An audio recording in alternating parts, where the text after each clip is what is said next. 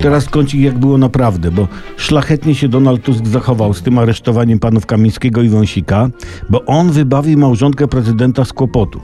Bo obaj ci, ci panowie, skazani, nieskazani, łaskawieni, niełaskawieni, nie dojdziesz, schowali się przed policją swojego kolegi Andrzeja w pałacu namietnikowskim. I pan Andrzej mówi do żony, Aguś, koledzy zostaną na noc, przygotuj coś, a ja skoczę po Belweder. Czy tam do Belwederu nie dojdziesz teraz.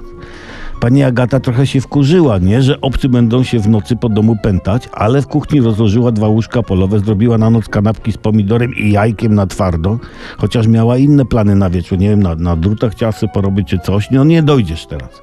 Nie, a i dzwoni do premiera i mówi tak, Don, zrób coś, nie? Jak premier Tusk usłyszał o kłopotach pierwszej damy, to woła chłopaka i mówi tak, chłopaki, wdrażamy akcję ratowania Agaty prezydenta nie ma, jedźcie do pałacu i wyleczcie tych dwóch gości, co się tam na krzywego ryja wprosili i nadużywają miru domowego Agusi. No to chłopaki pojechały, kajdanki wzięły za łeb łobuzów, co już się tam rozsiedli i wywieźli ich do aresztu.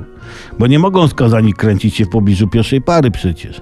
No i jeszcze przytomnie Tusk zastawił wyjazd z Belwederu autobusem na awaryjnych, żeby Duda szybko nie wrócił i się nie ślinił, że mu kolesi z domu wyganiają, nie? To nas uczy, że różnie się mówi o komunikacji miejskiej, ale okazuje się potrzebna jest. Momentami. No i w ogóle to fajnie, że w końcu coś się w tym kraju dzieje, bo do tej pory to nudą wiało strasznie.